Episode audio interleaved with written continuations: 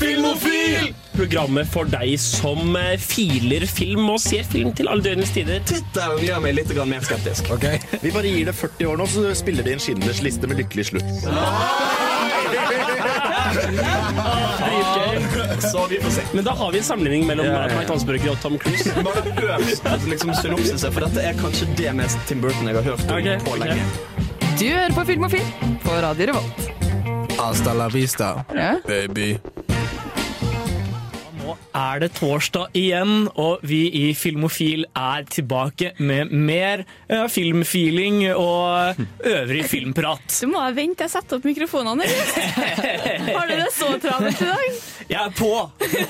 Men eh, med meg i studio så har jeg, som dere hørte på teknikk, Trine. ja, og så med oss som vanlig vår faste filmnerd. Henning. Men vi har også fått fin, finfint besøk i eh, studio i dag av en viss en viss Christian Høkås, som også er da ja, medsamarbeidspartner med dere, men ikke i Filmofil, da. Nei. Dere får høre mer om Christian etter at vi har uh, hørt en låt. Vi skal snakke om filmteorier i dag. Uh, så ja, vi- vi tror vi har en god sending på lager, men nå skal vi høre Tove Lo med She Don't Know But She Knows. Ja, der fikk dere altså Tove Lo med eh, She Don't Know But She Knows. Og her på Filmofil så har vi som nevnt besøk av en viss Christian Høkås. Og hvem er du, Christian? Jo, jeg er da en filmstudent, går femteåret på master i filmvitenskap, og styrer med litt forskjellig verv her og der, og fikk tiden til eh, å delta på én sending nå. Jeg har vært med en gang før, i august eh, 2016. Så det begynner å bli en stund siden, altså. Det stemmer. På tide å få en liten opptreden på radioen igjen. Men har du sett noe spennende film i det siste, da? Ja, imellom eh, verv og alt mulig, så får jeg noen filmer her og der. Eh, en som jeg så for to uker siden, men fremdeles har satt inntrykk på meg, er jo Raw.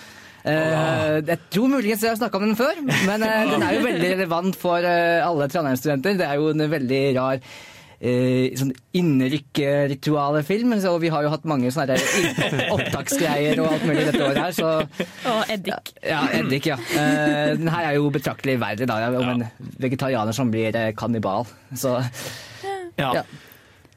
Den har jeg sett, og jeg elsker den. Jeg er Ja. så glad for at du sier det, altså, for det, jeg tror faktisk det er en- av de beste filmene jeg har sett i år. Det, det skal veldig mye til for å slå den. Ja, jeg syns den var kjempebra, jeg òg, Ja, faktisk. jeg elsker den. Ja, det, når jeg så den, så minnet det meg ganske eh, mye Eller altså, da, jeg, da jeg så Thelma nå tidligere i høst, så assosierte Eller så, så tenkte jeg veldig på Raw underveis. De har veldig mye til felles. Og for meg er nok Thelma hakket over. Men, eh, men uh, Raw er en helt fantastisk film. Har ikke Det- sett den.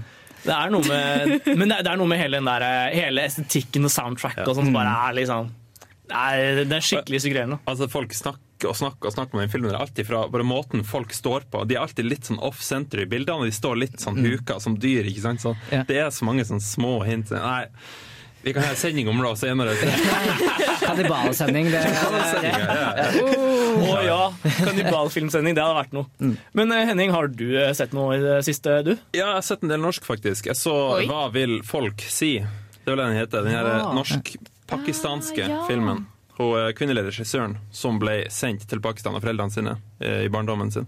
Så hun kom tilbake eh, Jeg husker jeg vet når hun kom tilbake, akkurat, men hun er i hvert fall tilbake i Norge og har laga en film om denne historien. Og den er kjempe, kjempe, kjempebra. Til, altså, wow at det er en norsk film. Virkelig. Det, Ja, men den, den, har jo den har fått veldig mye positiv omtale, og den Ja. har også blitt sett av veldig mange. Jeg hørte nylig at den har blitt besøkt av godt over 70 000 på kino, og det er ganske mye i norsk sammenheng, faktisk. Særlig for en sånn tung film. Sånn, det, Ja. det er ikke så mange som karer seg opp av sofaen liksom, for å se en sånn Max Manus og Kongens nei og sånn. ikke sant? den er ikke Det gidder folk bølgen. å se. Nei, ikke sant? Ikke sant? Det er ikke det. Og, og, og 70 000, det er, det er mer enn det Joakim Trier får, så det er jo? Ja, ja, ja, nå må det sies at Joachim Trier sine filmer er notorisk dårlig besøkt på kino. Ja. Da. Å, det er en skam. Det er skikkelig skam. Uh, Louder Than Bombs, som jo var liksom på min topp ti-liste Ja, ja. det året, uh, sånn internasjonalt, fikk jo liksom ingen besøkende på norske kinoer. Eh, så, eh, så nei, det skal ikke, være, skal ikke være greit å lage en norsk film, men hva vil folk si er i hvert fall en anbefaling. Ja, absolutt. Nei, det, det da tror jeg det. Jeg har nesten dratt og sett den sjøl. Men eh, nå skal vi høre en ny låt. Vi skal høre The Ida med Bushfire her på Radio Revolt. Ja, her på Filmofil så snakker vi fortsatt om ting vi har sett i det siste. Og Trine, har du sett noe spennende siden forrige sending? Jeg har sett for mye. Det er som bare Hei, du har hjemmeeksamen! Nei, det har jeg ikke. jeg ser masse film. Nei, det er liksom, Jeg starter helga med Pokémon-maraton. Fordi det er sånn man gjør. Ja, fordi det er liksom eh, Dem jeg kjenner i filmen mitt, vi bare satte oss ned på lørdagen til en kompis av oss, så så vi første Pokémon-filmen, andre Pokémon-filmen og tredje Pokémon-filmen. Ja, det er jo god bruk av tid, det, antar jeg. Eh, Har de blitt bedre eller dårligere? Dårligere, Men det er liksom bare, jeg har Bombe. Første Pokémon-filmen har jeg sett såpass mange ganger, så der ligger det veldig mye nostalgi bak. Så der er jeg bare sånn Jeg elsker det her uansett. Det er en jævlig crappy film, men jeg elsker det her til jeg Ja, ja, dør. ja, ja. Pokémon eh, 2 og 3 hadde ikke jeg sett, tror jeg, så jeg satt her og bare This is okay. Det det er noe veldig rart med særlig den første Pokémon-filmen. Når liksom eh, eh, Pokémon er jo på en måte basert rundt konseptet. Vi har dyr som fanges i en ball, og så, eh, får man disse dyrene til å slåss mot hverandre. Når Pokémon da bestemmer seg for at la oss lage en film med tydelig antivoldsbudskap, Men, men, så er det noe slags sånn paradoksalt som, men hei, som skjer. de glemmer det på slutten av filmen. They Ja, forget sant? everything. Så kan de fortsette å sånn slåss med hverandre. Vi, vi, så, vi så den på norsk, så det er liksom bare Den har en sånn veldig fin sånn linje. Bare sånn Pokémon skal ikke slåss. Ikke på denne måten! Det er dumt! Det er så greia med Når de har det antivoldbudskapet, men det er jo merchandise-filmer, dette her. Ja, ja. Altså, den, den første filmen heter Pokémon, The First Movie. Altså at, at du faktisk etablerer at, at dette er den første. Så vet du at ja, det her er bare for å selge, altså. Ja, det, det er nok ikke sånn veldig mye, liksom. De har ikke sånn stor slagkraft på et tematisk plan, da. Nei, men jeg var så på noe litt bedre på onsdag. Fordi eh, det, Trondheim har vært så heldig å få sånn skikkelig førpremiere på The Disaster Artist med Ja. James Franco. It's so good! jeg, er litt, jeg er litt sliten, unnskyld. Eh, The Disaster Artist er da liksom filmen bak The Room. Det, handler om, det er filmatisert en bok. Den er veldig gøy. Altså For et publikum også. Det var, det var latter under hele, hele filmen. Men det fungerte, liksom, som eh, filmatisering også. Jeg har jo ikke lest boka, da, så I don't know. Eh, Jeg har lest boka. Jeg leste den i sommer. Ja, ja. Og jeg syns den fungerte fint. Eh, Boka har et annen type struktur. Den går på litt fram og tilbake i tid, mens den her går, tar uh, historien kronologisk fra Ja. start, uh, da de møttes, til slutten av produksjonen og filmen vises. Mm. Boka har litt annen struktur og fokuserer litt mer på forholdet mellom eh, cast and crew. da. Eh, mens, mens, mens filmen, da, det er på en måte vennskapet mellom da, James Franco og Dave Franco, altså Tommy Wiseau og Greg Sestero. Da. Men ja, jeg elsker filmen, jeg også. Så den også på den flotte kinovisningen som var på onsdag, altså. Ja. Så folk burde få med seg den når den kommer. altså. Ja, den kommer i desember. Skikkelig gøy. Men det liksom bare, på slutten så får dere liksom se liksom, eh, den originale, den originale scenen og den nyinnspillinga. Det, var- det var så gøy. Det var så. Jeg har faktisk eh, også vært på kino siste uka. Oi! Jeg tok en eh, snartur innom Prinsen på søndag og så Wind River. Oh. Eh, og ja, det, det er jo da en sånn neo-western, kan man vel kalle det. Sånn i samme bane som Hell or High Water. Veldig samme bane som Hell or High Water. For det som er greia med han eh, Taylor Sheridan, da, han som har regien på den, er at han har skrevet tre filmer nå på rad. Uh, de tre filmene er Sicario, Hell or High Water og Wind River. Og de danner en slags sånn tematisk trilogi. da. Uh, han, hadde, han hadde som liten sett filmene eller westernfilmene med Clint Eastwood og liksom The Man with No Name og sånn. Og så hadde han hele tiden liksom tenkt sånn Ja, men jeg har lyst til å se en film hvor The Man with No Name gråter. Oh. Så det er liksom prosjektet hans da, å lage en film om ja, sånn tøffe mannfolk i sorg. Uh, og Wind River føyer seg veldig interessant inn i den, inn i den rekka. Da. Han er nok ikke en like spennende visuell regissør som det eh, særlig, særlig Villeneuve er. Altså, Sicario ser jo fantastisk ut. Uh, Heller High Water også er liksom godt så, så, Filmspråket er ikke like bra som de to forrige, men på et tematisk plan så er den en veldig, den er en veldig spennende fortsettelse av den, av den trilogien, da. Eh, Så jeg vil veldig anbefale Oh. alle å dra og se Ja. Wind River. I hvert fall hvis man likte Hell or High Water Hell or High Water var jo min eh, andreplass på topp 10-lista mi fra i fjor. Tror jeg. Jo, jo, ja. Den var, den var hakket lenger ned for min del, men Sicario er liksom ah, jeg, hvis, det, er, det er jo ikke noen hemmelighet at vi er glad i Denis Villeneuve her i Filmofil. Nei. Eh, men det er, ja, han, er, han gjør virkelig en god jobb der også. Så, så nei, Taylor Taylor Sheridan er virkelig en sånn manusforfatter jeg håper fortsetter å skrive spennende ting. For nå er det, liksom, det er tre spillefilmer han har fått filmatisert, og Oh, wow. de, de tre er liksom De holder ganske høy kvalitet. da. It's good. Men ja, jeg tenker vi eh, skal prate mer om diverse filmgreier etter at vi har hørt T-Pain med 'Pussy on the Phone'. Ja, velkommen tilbake. Nå er det på tide å høre litt film- og fjernsynsnytt. Og Henning, vår faste eh, korrespondent, har du noe bra filmnytt på lager? Ja. Jeg har ei ganske juicy historie som jeg, jeg hadde egentlig tenkt å ta med forrige sending, men den gikk i, i, i glemmeboka, dessverre. Det ble for mye Star Wars. Ja, som det ofte blir i nyhetene. Nei, det her handler om en annen serie, Lord of the Rings. Det kommer en TV-serie. Men det, det er sagt så lite om det her. Uh, en ting som er verdt å bite seg merke i, det er at Tolkien Estate, som er det selskapet som omhandler uh, Tolkien sine, sine verk, ikke sant? publisering og sånn som Hobbiten, ikke sant? Ja. At, ja, ja, de jobber med alt sammen med Tolkien i dag å gjøre. De er med på produksjon. De er ikke bare gitt tommel opp, men de er med på produksjon. Og det positivt, spør du meg. Ja, fordi eh, jeg vet at eh, Christopher Tolkien Ja. har sagt eh, veldig mye om Ringenes herre, og særlig Hobbiten-filmene. Og, og, og hvor mye de ikke er så glad i at de blir filmatisert, og det at de har på det snudd litt, er litt, det er litt interessant, syns jeg. Ja, det er nettopp det. Det er veldig mange som diskuterer det. Akkurat han gjør en, en 180, liksom, på akkurat det der. Ja, for jeg, jeg øh, skjønner på en måte litt øh, hvorfor man har lyst til å lage en TV-serie basert på Ringenes herre, for det er jo utrolig mye materiale å hente fra der, Ja. som man på en måte ikke får plass til i øh, spillefilmkontekst. Samtidig så er jeg veldig usikker på hva en Eller det, jeg tror det blir utrolig vanskelig for en ny TV-serie å skulle leve opp til de gamle filmene, for de holder seg, altså. Ja, Selv om, det det. er, De det. selv om det er snart 20 år siden de kom, oh, så er det helt vanvittig gode filmer fortsatt. Ja. Nei, litt sånn jeg, skulle, jeg vil helst at de liksom skal gå en annen rute. Liksom ikke gå Ringenes herre, men gå på noe annet, Ja, for liksom. det er, det, som sagt, det er veldig lite som er visst om hva den serien kommer til å handle om, utenom at det kommer til å handle om det som skjer før Lord of the Rings-filmene. Okay. Så det kan gå så langt tilbake som Silmarillion. Ja, men så lenge de ikke begynner skal begynne å fortelle om Aragon, så går det fint. Ja, ja, ja. Det, nei, kan ikke, kan ikke love det. Det kan jo skje. Han er gammel. Ja, men Ja.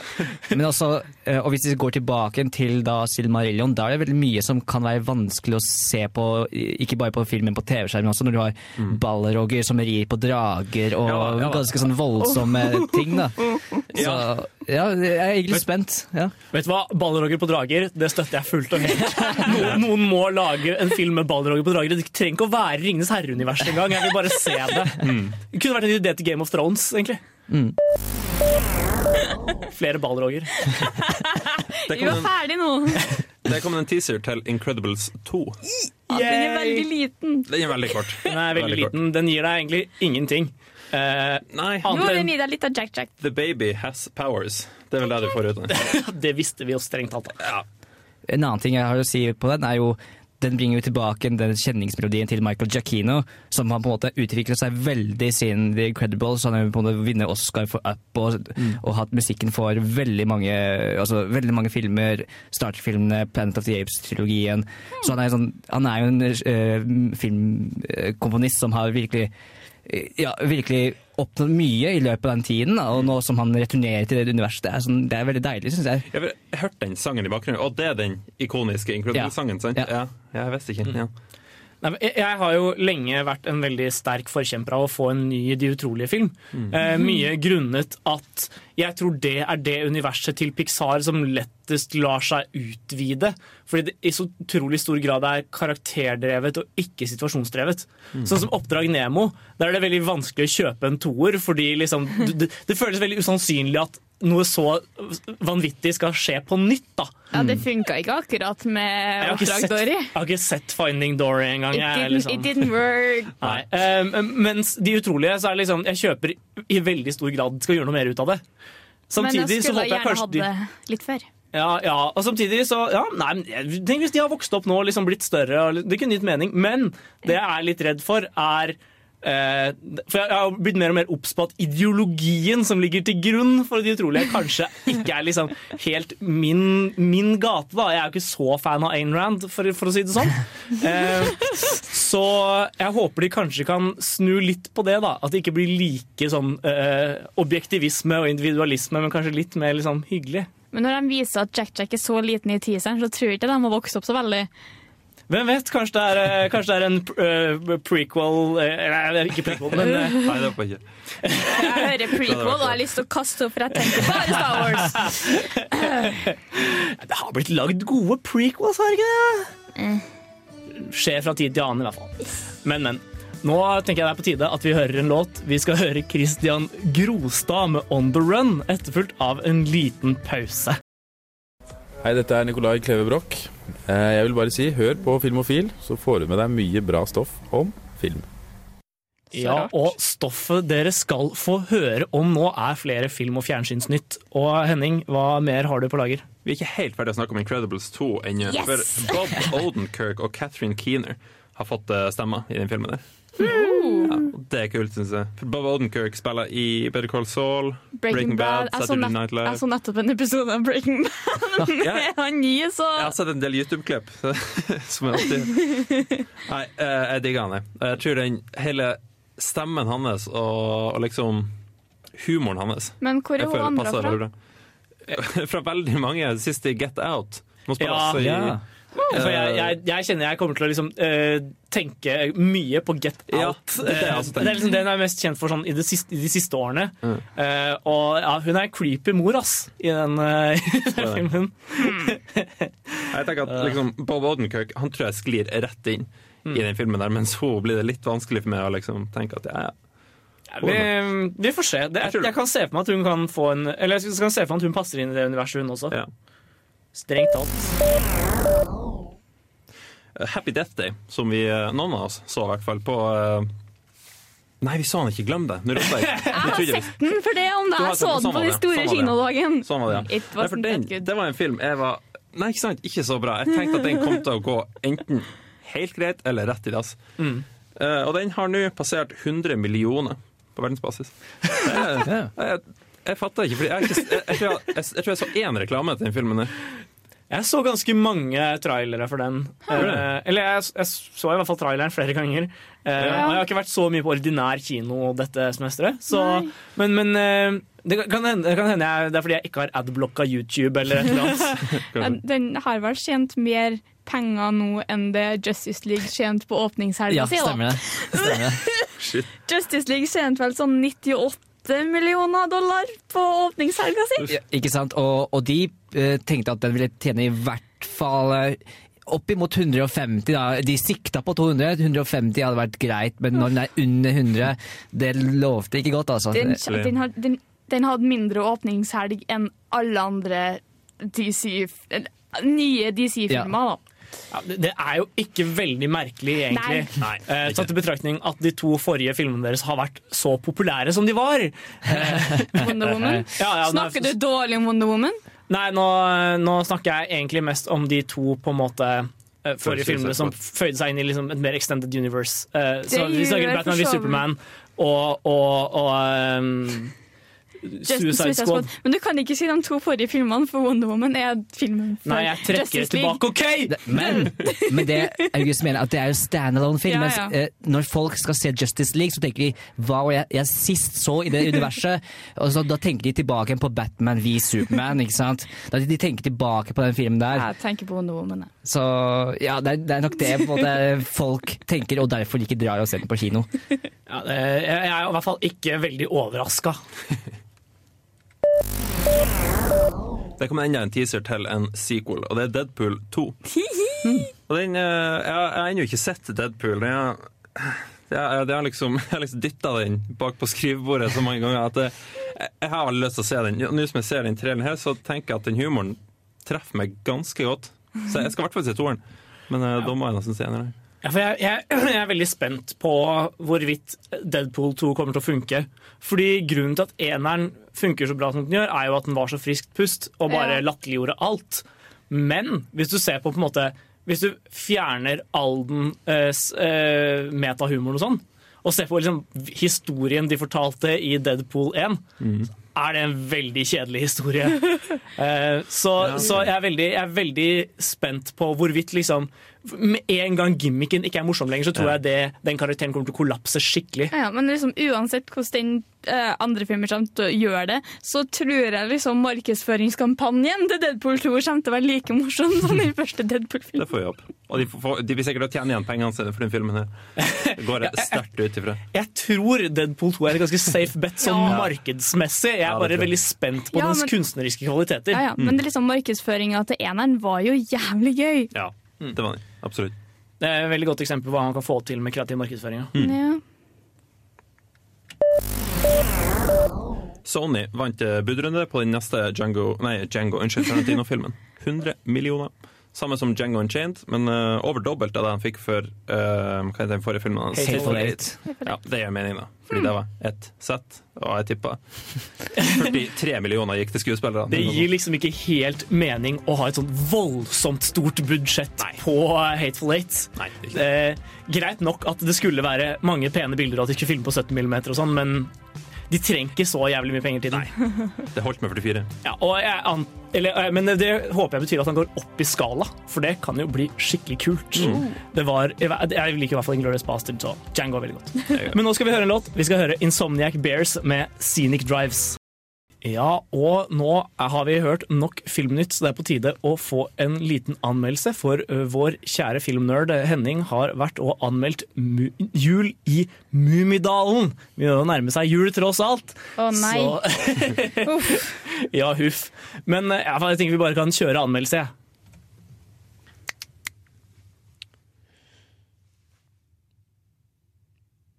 Jul i Mummidalen er den nyeste filmen i Mummiuniverset, eh, med en historie kanskje fort Hm. Jul i Mummidalen er en ny film i Mummiuniverset med historie du fort kjenner igjen. Ah, Shit, der har det vært en feil, ass. Eh, vi, eh, det har vært noen kluss i hvilke lydfiler som er lagt inn. Oi da. Ah, Men da blir vi nødt til å ta det, ta det live, da, tror jeg. Tar vi muntlig, da. Yes. Ja, ja. Jeg har skriptet her, så Jeg synes det var Blir det noe jul i Mummidalen, da? Eller? jeg Ja, hørte knipsinga og tenkte nei. Ja, jeg synes det var skikkelig rart at det var i til seks minutter. Jeg synes det var en rar måte å introdusere Juli i Mummidalen på. Men, eh, men ja. Henning, hva, hva hadde du tenkt å si om jul i Mummidalen i, i anmeldelsen din? Skal vi ja, den, den ligger her, da. På tre minutter. Ja. Får vi spilt den av, eller? Jeg vet ikke. Jeg kan, jeg kan prøve. Jeg kan, jeg kan begynne. Jeg kan, jeg kan jobbe her, Trine. Jeg kan si at jeg hadde håpa på en nostalgia-trip, liksom. Men Mm. uh, stilen, musikken, uh, hele feelen, liksom, er veldig annerledes. Så jeg ble litt skuffa. Men det, altså, som en barnefilm, så kanskje det funka. Jeg føler ikke jeg er i stand til å dømme barnefilmer. Så, så om jeg kommer til å funke for, for det publikum som skal funke for, det vet jeg ikke. Men det, det, det er fortsatt kult å se som en mumientusiast. Ja, Så en slags eh, For, det, for dere ikke vet, at vi er kjempemumientusiaster. ja, I hvert fall jeg. Ja, for dette her, denne her er jo animert annerledes, stemmer ikke det, enn det det vi kjenner til? Det, det, det nevner jeg i anmeldelsen. Jeg vet ikke om jeg får høre det eller ikke. Får vi det? Ja, jeg tror okay. det. Vi får høre anmeldelsen. I think, I think, I think. OK, let's, let, let's try this. Juli vi Mummidalen er en ny film i Mummiuniverset med historie du fort kjenner igjen.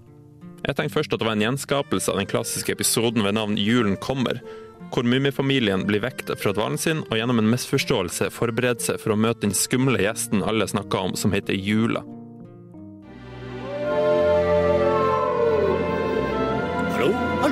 Opp og stå, kom dere opp. Dere kan ikke sove bort hele vinteren. Hva er det som skjer?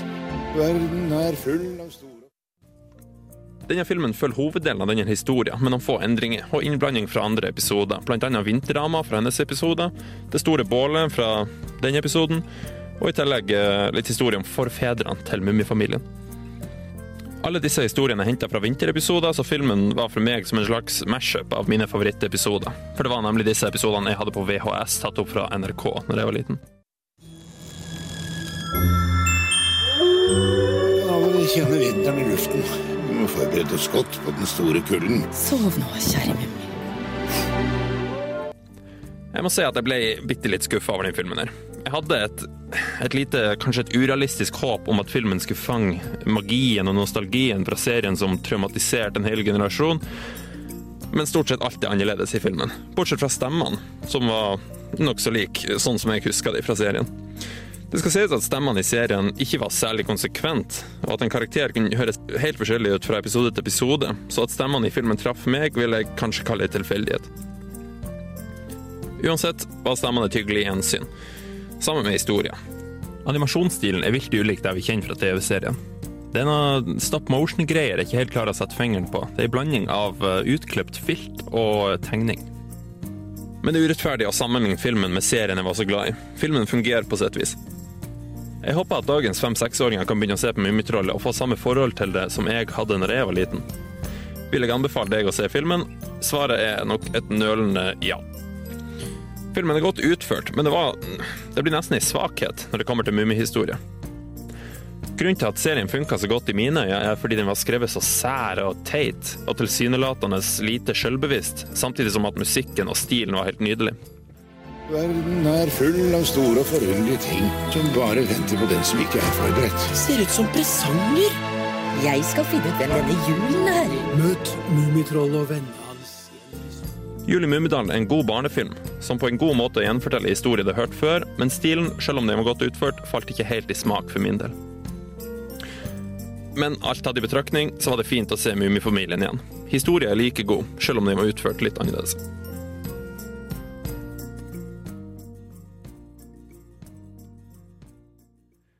Der fikk vi spilt av anmeldelsen til slutt. Det er ikke måte på. Ja, men godt vi har slik flink tekniker, æ.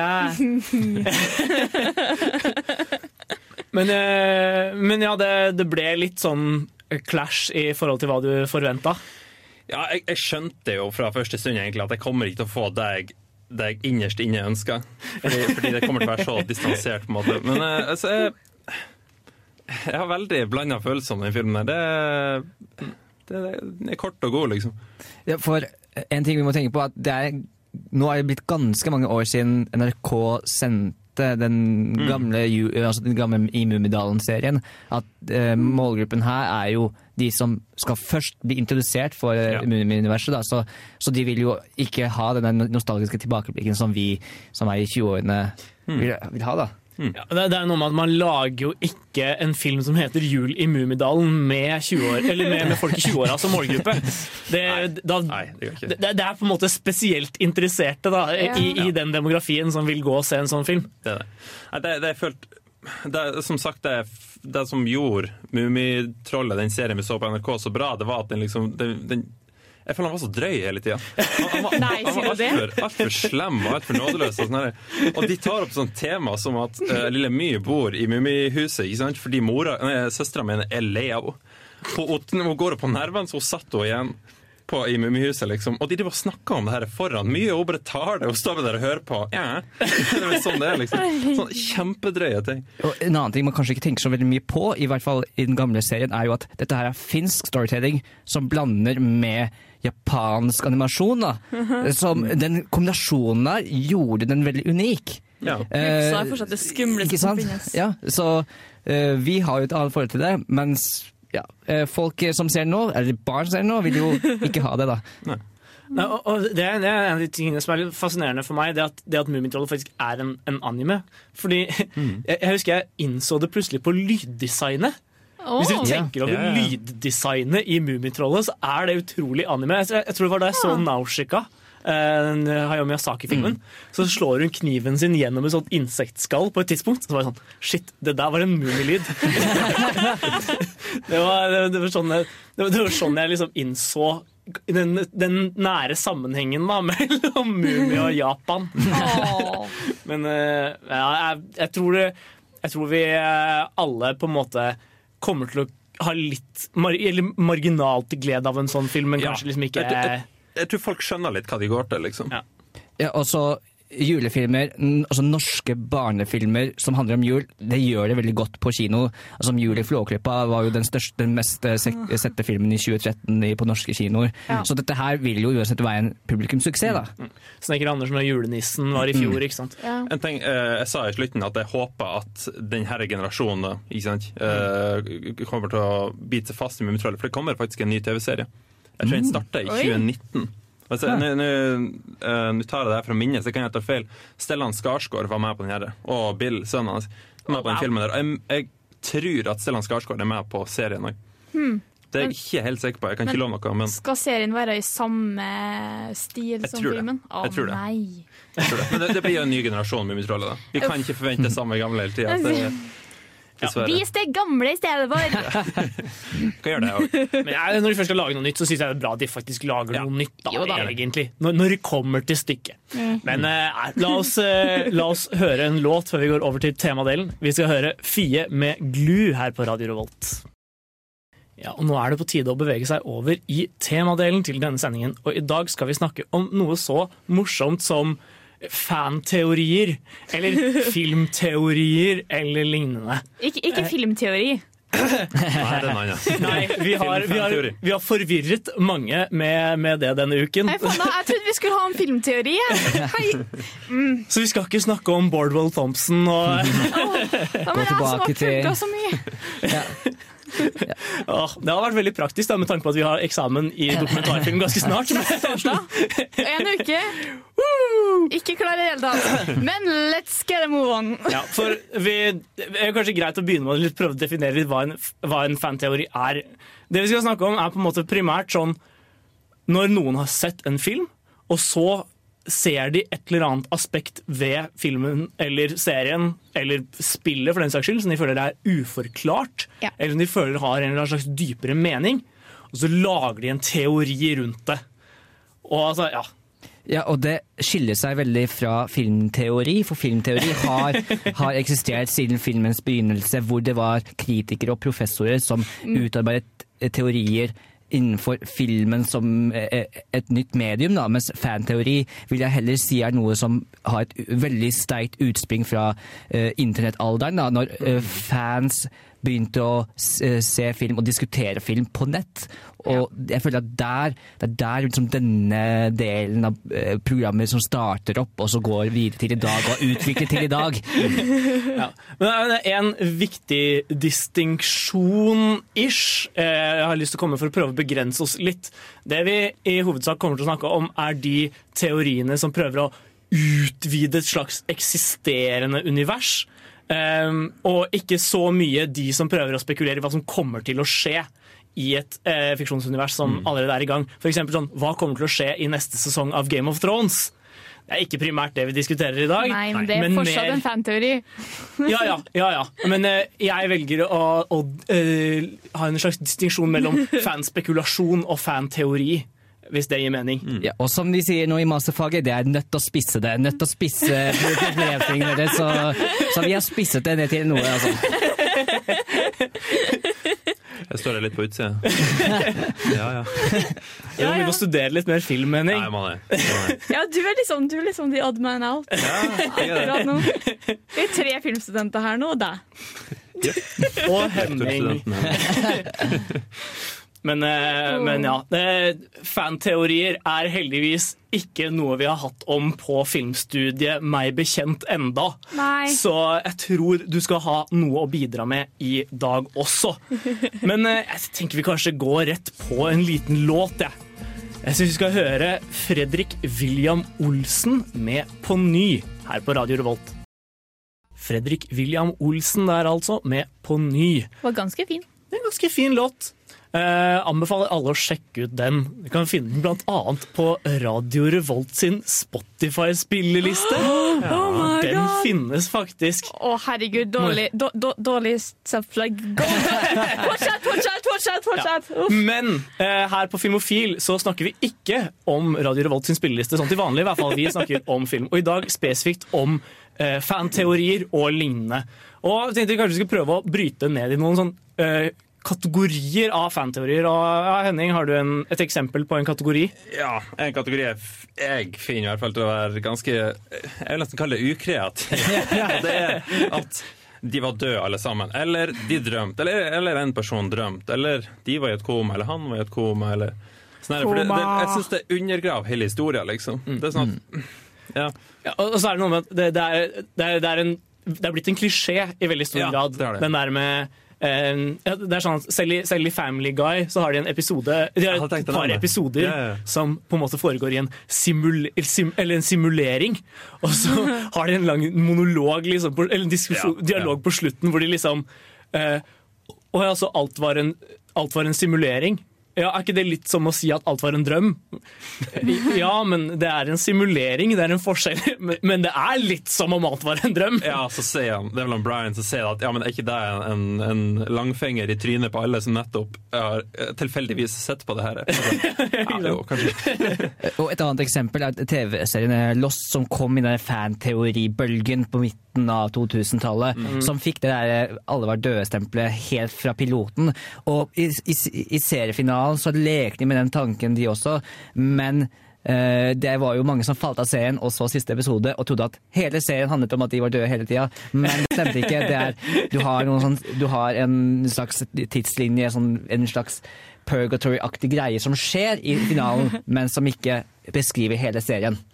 Ja, og Lost er vel beryktet for å være hakket mer komplisert enn det hadde gått av. Ja. Eh, så jeg vet ikke om liksom jeg vet ikke om jeg, jeg vet ikke om jeg er for sint på folk for å kritisere Lost så spesifikt. De, de gravde seg liksom dypere og dypere ned i et hold. Altså. Men hvis, hvis, hvis sånn som JK Rowling da hadde, eh, gjennomf- eller hadde gått for den der eh, Harry Potter våknet opp i, eh, i eh, under trappa liksom, i slutten av bokserien, eller i slutten av bokserien, så hadde det vært skikkelig antiklimaks. Ja, det er sånn å, å. Men jeg skal love det, det finnes en filmteori om det. Eh, Og bokteori, for så vidt, om Harry Potter. Ja, ja. Nei, Harry Potter-universet har nok en haug med teorier. Ja. Og det, det som er litt spesielt der, er at JK Rowling går inn og på Twitter og sier ja, den teorien er sann, den er ikke sann. Det er super weird. yeah. Eh, men, eh, men ja, vi kommer nok tilbake til et par av teoriene fra Harry Potter senere. Men en, en annen teori jeg har eh, tenkt litt over, er liksom den der med eh, hva, hva fanteorien prøver å forklare. Fordi noen fanteorier, mange av de vi har snakka om til nå, er jo typisk de som prøver å si liksom ja, dette er eh, et eller annet prøver å forklare et aspekt ved en film som mangler, men filmen på en måte alene. Mens andre prøver å koble en haug med fiksjonsunivers sammen. Ja. Eh, for eksempel at eh, Ja, si den om at Elsa og folk, jentene i Frozen eh, mista foreldrene sine fordi de var på vei til bryllupet til Rapunzel fra Det Tangled. tror jeg faktisk på. Fordi Rapunsel Rapunzel dukker opp på coronation til Elsa. Så det er liksom, jeg tror på at de er søskenbarn, men at eh, foreldrene til Elsa er foreldrene til Tarzan. Det tror ikke jeg så mye på. Åh, ja, det, det, det er mange rare Men, men det, det, dere skjønner hva jeg mener. Med Ja, ja. liksom, de, de kobler sammen to filmer som på en måte ikke hadde en link, og så plutselig har de en link allikevel. Elsa, nei, Frozen og Tangle har en link. Fordi eh, du har liksom ulike nivåer med dette her. Eh, Linken der er jo at de er, er alle Disney-filmer. Ja. Og så har du på en måte de som eh, er utenfor. Du, ok, du går fra Disney-film som er eh, animert til live action, og så kanskje du går til og med utenfor studio. Da. Du hadde mange teorier eh, med TV-serier. Blant én TV-serie er samme univers som en annen TV-serie, men de er av to forskjellige TV-kanaler, så det passer egentlig ikke. Alle TV-serier i verden er i samme. Ja, det, er, det er en teori som er eh, Tommy Westfall-teorien, Ja. som på en måte har fletta sammen sånn 400 pluss TV-serier som ifølge den ene TV-serien potensielt kan foregå inni hodet på én av karakterene. Ja, og det fortsetter bare. Det stopper ikke. Det er, det er vel at alle som er involvert altså Hvis du antar at teorien om den siste episoden av den serien kan jeg hete for noe, Ja. det er med et sykehus eller noe sånt, Hvis du Ah, antar at det er sant, ikke sant, så betyr det at alle de skuespillerne som spiller i den serien, er i denne verden. Ja, altså- Og hver gang en skuespiller fra den serien dukker opp i Nei, en nei, serie en karakter fra Ja. den serien crossover til en annen serie. Sånn ja, ja, sånn sånn så er de karakterene i den serien den crosser over til, finnes i hodet til han ungen. Det er liksom bare Det fortsetter, så Desto mer crossovers du har, desto det tettere Der knytter du sammen absolutt alle TV-seriene og bare Everything exists at the same time in the head of the kid! Og det er jo en eksponentiell vekst. For hver, for hver crossover de gjør, ikke sant? så vil jo den serien være del av det her spindelvevet av Ja. TV-serier. ikke sant? Så når det er crossover der igjen, så blir den del av den. Så der og der og der. og der.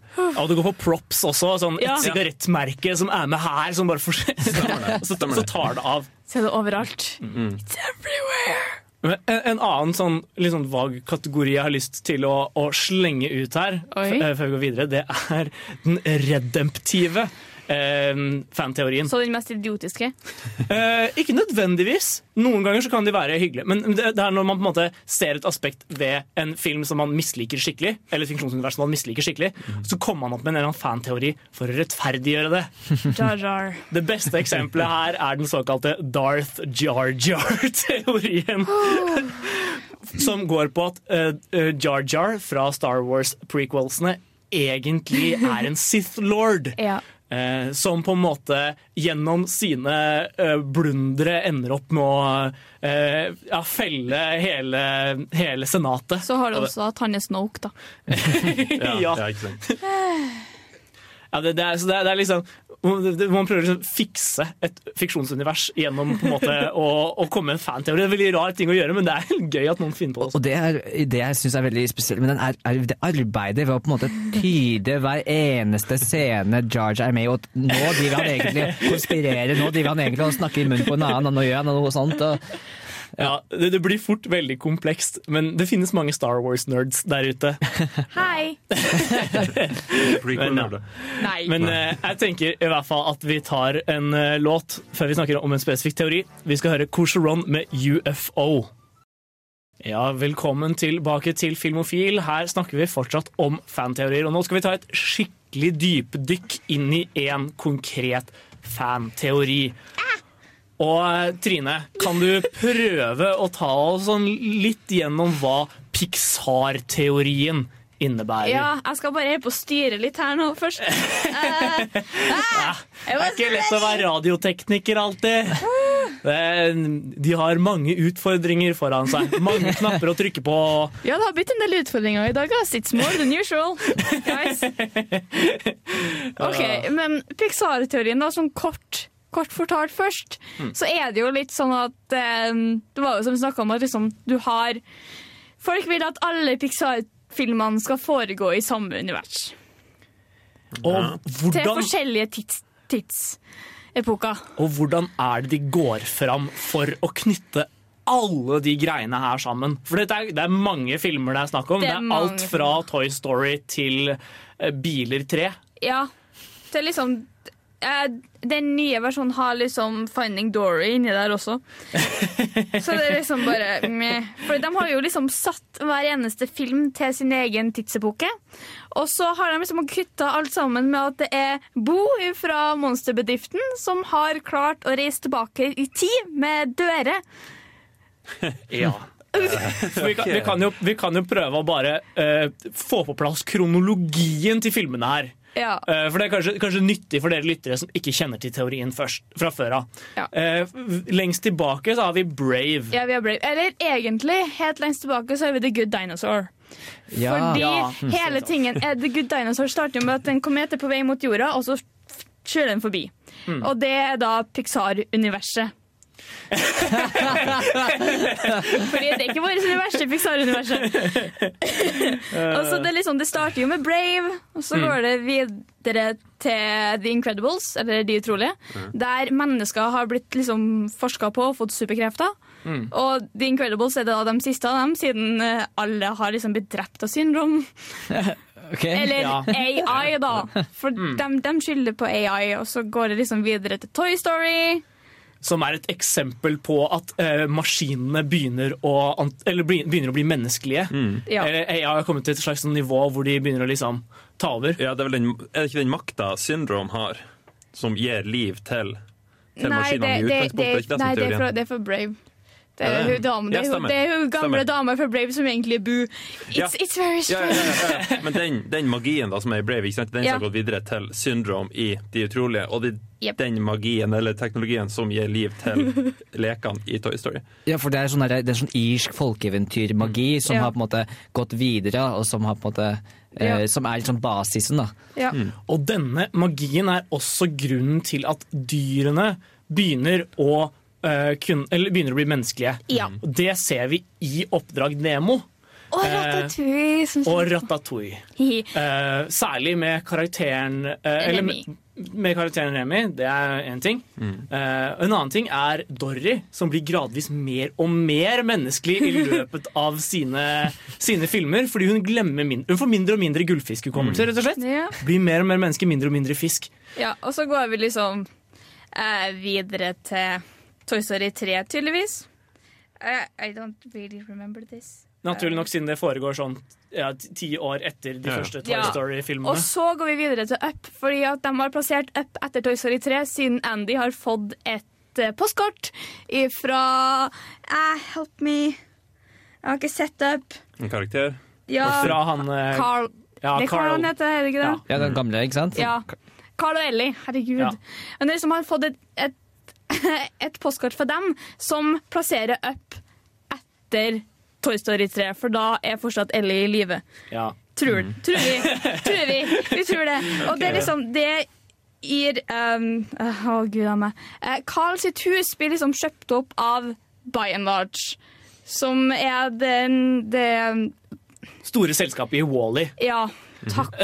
Som liksom starter i Toy Story, da. Ja. For, på, med batteriene og sånn.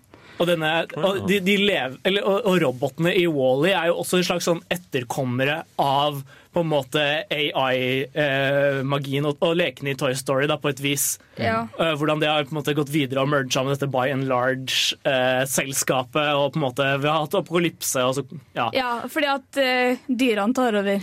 Mm. The animals take over. Og så plutselig kommer biler. ja, fordi etter at menneskene har forsvunnet, eh, og Wally Eller Det er før, det er før, det er før Wall-E, da. Ja, det er strengt talt før Wally. Eh, fordi menneskene har forlatt jorda, Ja. og mens menneskene har forlatt jorda, så tar maskinene over. Ja. Så da er vi i bilenes univers. Ja.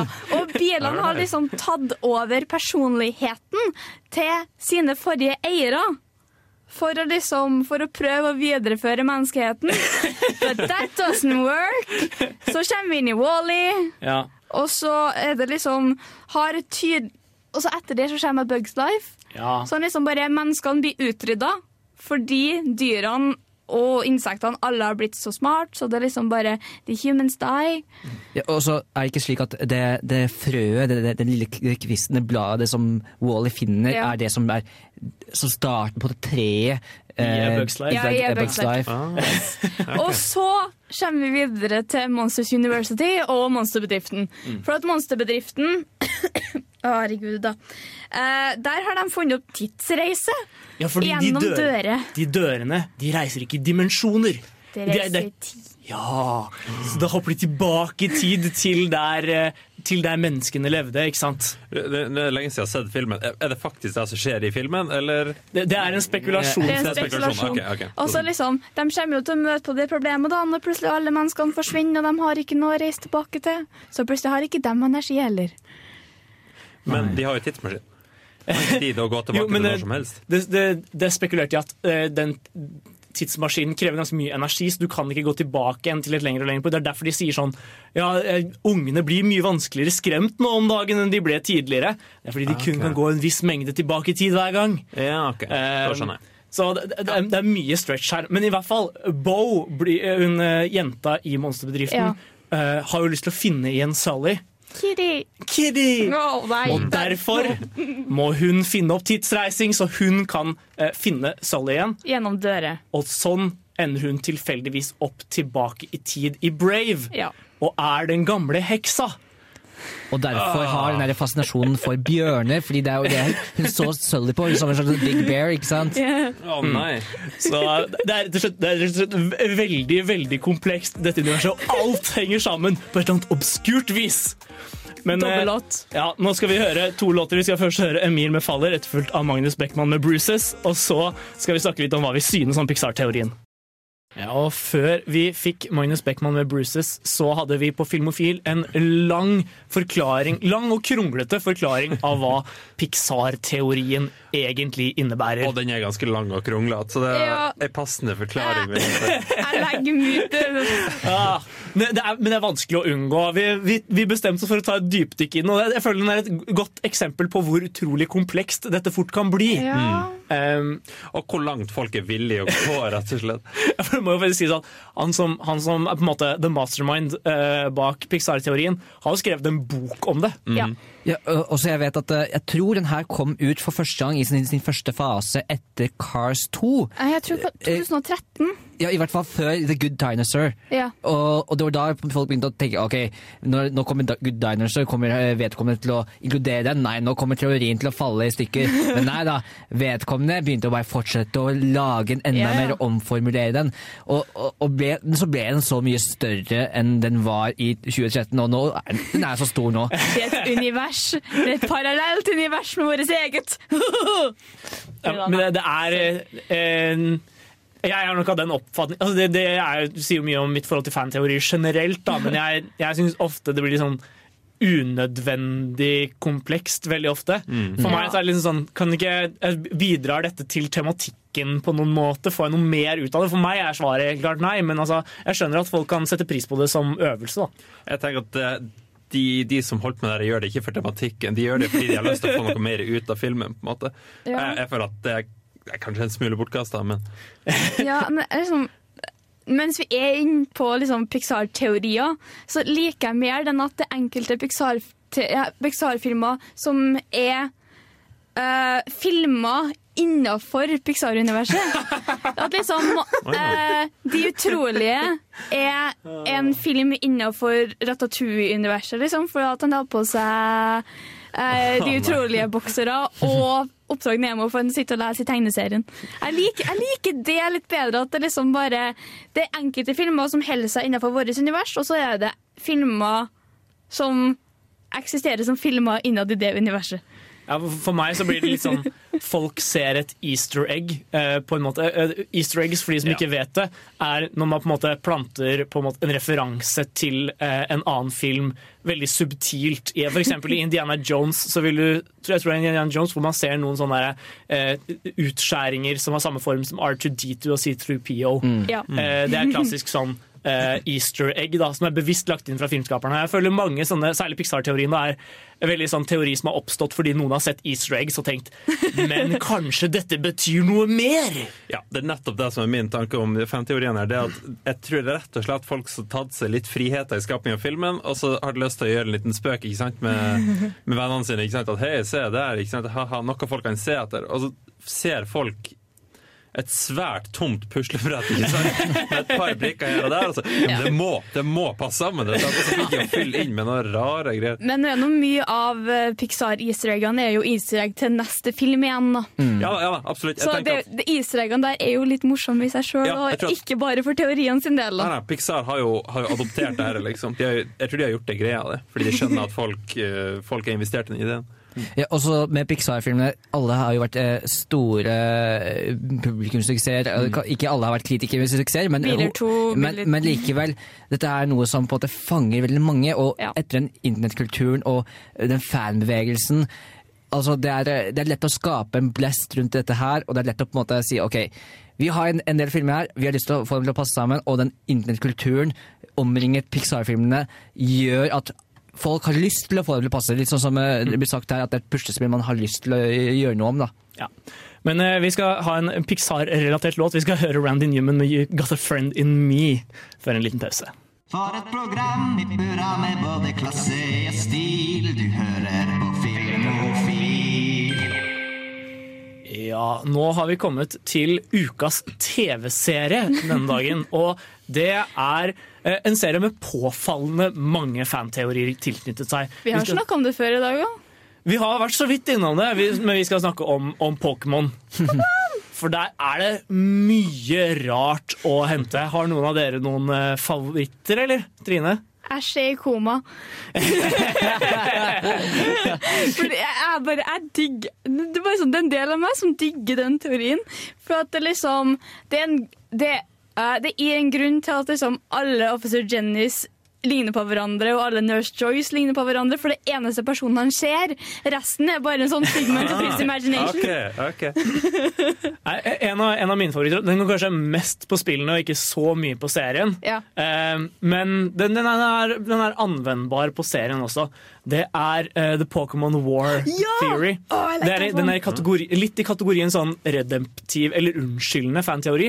For den prøver å gjøre Pokémon til noe, liksom, noe litt mer og litt dypere enn det det kanskje Eller prøver å gjenskape den følelsen man hadde som liten da Når man så Pokémon og det føltes som liksom, det dypeste ever.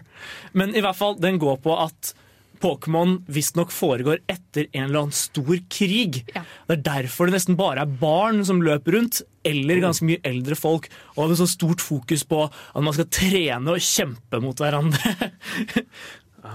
Det blir jo liksom litt konfirma med at det er en som holder på å snakke om det, En av gymlederne som holder på å snakke om The Great War, da. Mm. Så det er liksom sånn Det Men, men det er også eh, Vi ser veldig lite annet uh, konkre, andre konkrete bevis på det. Det er mer en sånn, sånn uh, mangel på infrastruktur. Sånn, det, det ville gitt litt mening. Du har den store uh, gravplassen, da. Ja, det, det er en del sånne aspekter ved det som er sånn Ja, det, det dette er ikke helt ute å kjøre. Og de gir på en måte Pokémon et slags sånn ekstra aspekt. da Det gir litt mer mening å sende tiåringer ut på tur sånn rett etter en stor krig enn det gjør til vanlig. Jeg, jeg skjønner hva du mener med at den er redemptiv. Fordi liksom, hvis, hvis jeg ser Pokémon, så kan jeg si til noen som elsker Pokémon, og tror på den teorien at ja, men det er bare unger som, som duellerer liksom, med monstre.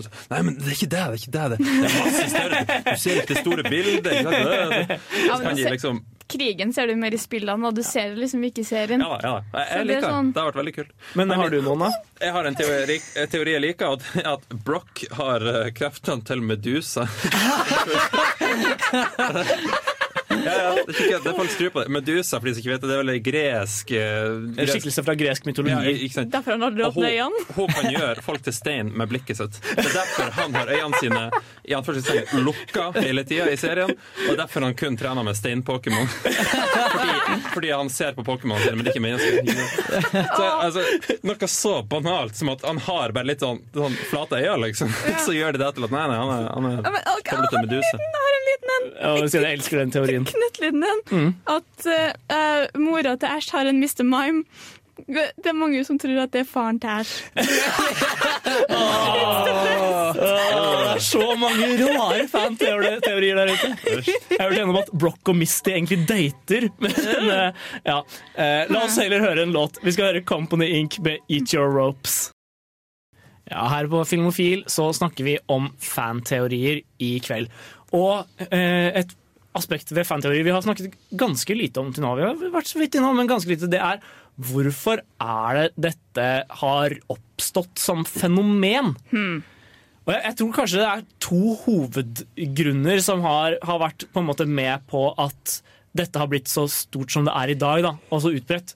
Og det ene er, som du var så vidt inne på, Christian, at internett har blitt en greie. Internett's Internet's a thing, Yeah. guys.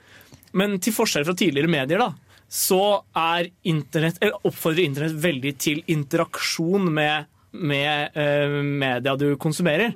Det oppfordrer veldig til at du liksom aktivt veldig aktivt konsumerer, og da blir du mer investert og får mer lyst til å bygge videre på det. Ja, for uh, Man kan sammenligne det med uh, da Twin Pics først gikk, og da Twin Pics The Return kom. For da Twin Pics først gikk, det var også en kjempesuksess, og det var mange som snakket om det. og også fanteorier, Ja. men det var på en annen måte. Det var på en måte eh, watercooler-prat, det var diskusjonsgreier på TV og litt, liksom, litt sånn nyhetsgreier, mens nå er det på en måte eh, hvor de har ulike diskusjonsforumer om alt mulig. Freeze-framing, det er, sånn, det er en greie nå. Og også det med å knytte opp bl.a. blant annet Twin Peaks mot eh, alle andre David Lynch-filmer. og eh, Du har et helt annet type univers der, da. Du har Reddit. Ja. Du har plutselig Reddit! Reddit har skylda i alt. Det har vært en viktig del av researchen til denne sendinga. Eh, fa Fanteori-subredditen, den, er- den er omfattende. Det er mye rart, ass! Nei, men så rart, det er fanteorier. Jeg tror når du spør ei, altså La oss si det er 10 000 medlemmer på et forum, ikke sant? så spør du de Tror du det er noe mer ved blokk, ikke sant? Så tror du- Så at hvert, hvert spørsmål som kommer inn, ikke sant? så det er det sikkert en annen som prøver å overgå han andre som hadde et gjennombrudd, ikke sant? Og når det er 10 000 folk i rekka, så får du ganske mange ideer. Ja, men det er også det at det forumet i det hele tatt finnes. da. Det gjorde Ja. jo ikke før. Altså, hvis, hvis noen hadde en heftig teori, så ble det liksom spredt til deres vennekrets, men ikke så mye mer enn det. Mm. Mens nå så er det liksom sånn, med, med et par tastetrykk så har du plutselig sånn ja, 10 000 uh, mulige lesere. da. Og plutselig så blir det memes. Så many memes. Jeg sitter og skriver om memes nå, så jeg klarer ikke å prate om noen annet enn memes. Memes, memes, Mm. memes. Men en annen utvikling vi har sett, da, som jeg tror er med på å skape dette, særlig de fanteoriene som går på på en måte universutvidelse og yeah. it's all connected, eh, det tror jeg handler mye om eh, TV-serierenessansen vi har i disse dager. Okay. Og også det cinematiske universet som konsept. Fordi Marvel.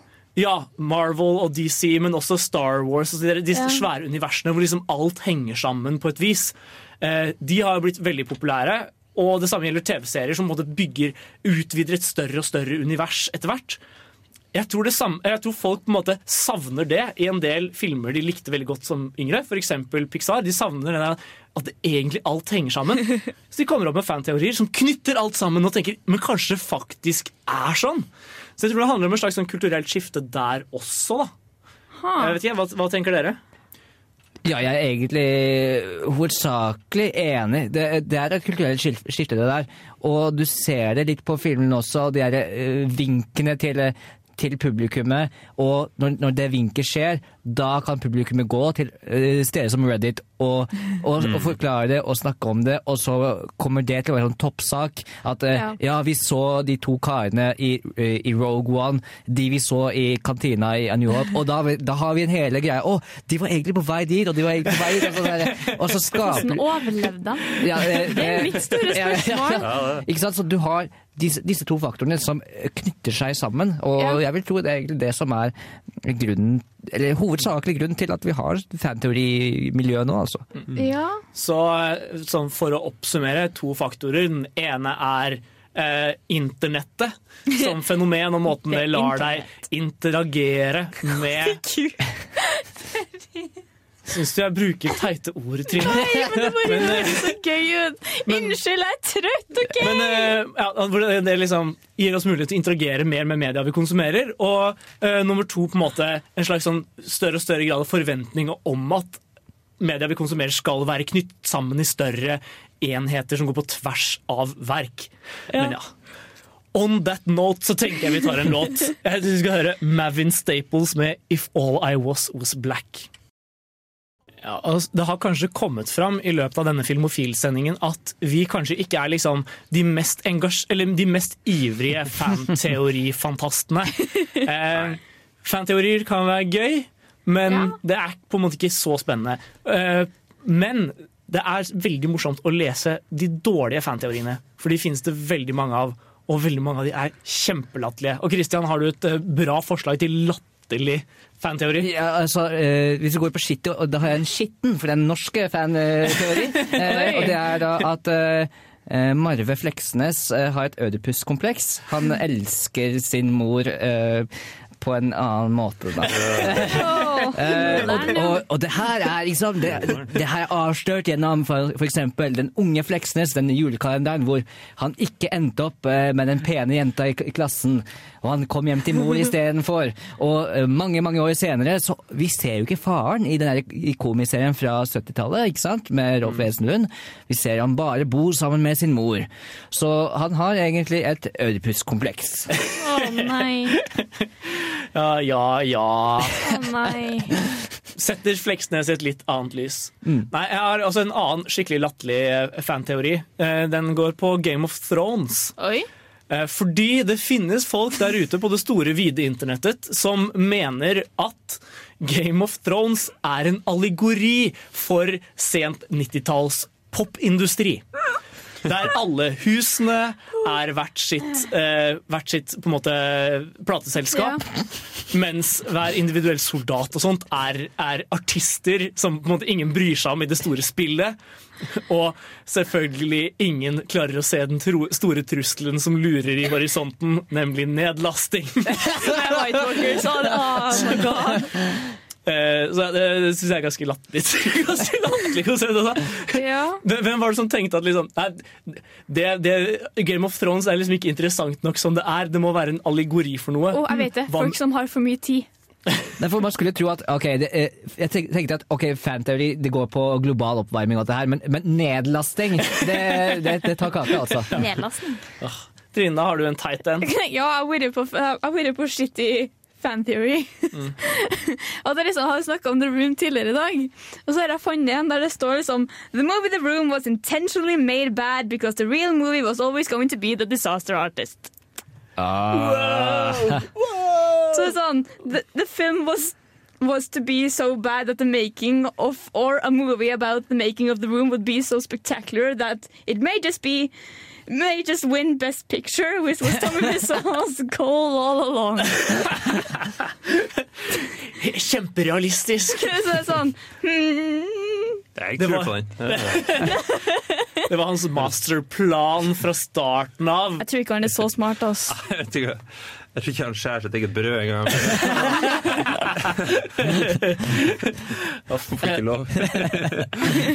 Henninga, har du en dustete fanteori? Nå skulle ønske at jeg ikke blåste uh, Broch-teorien min. For den, det er ikke de teiteste teoriene. Det var Pokémon som måtte. En teori jeg det er, det er ikke sånn skikkelig skikkelig dustete. Jeg, bare- jeg blir sint når jeg hører den. Fordi, og det er Game of Thrones igjen.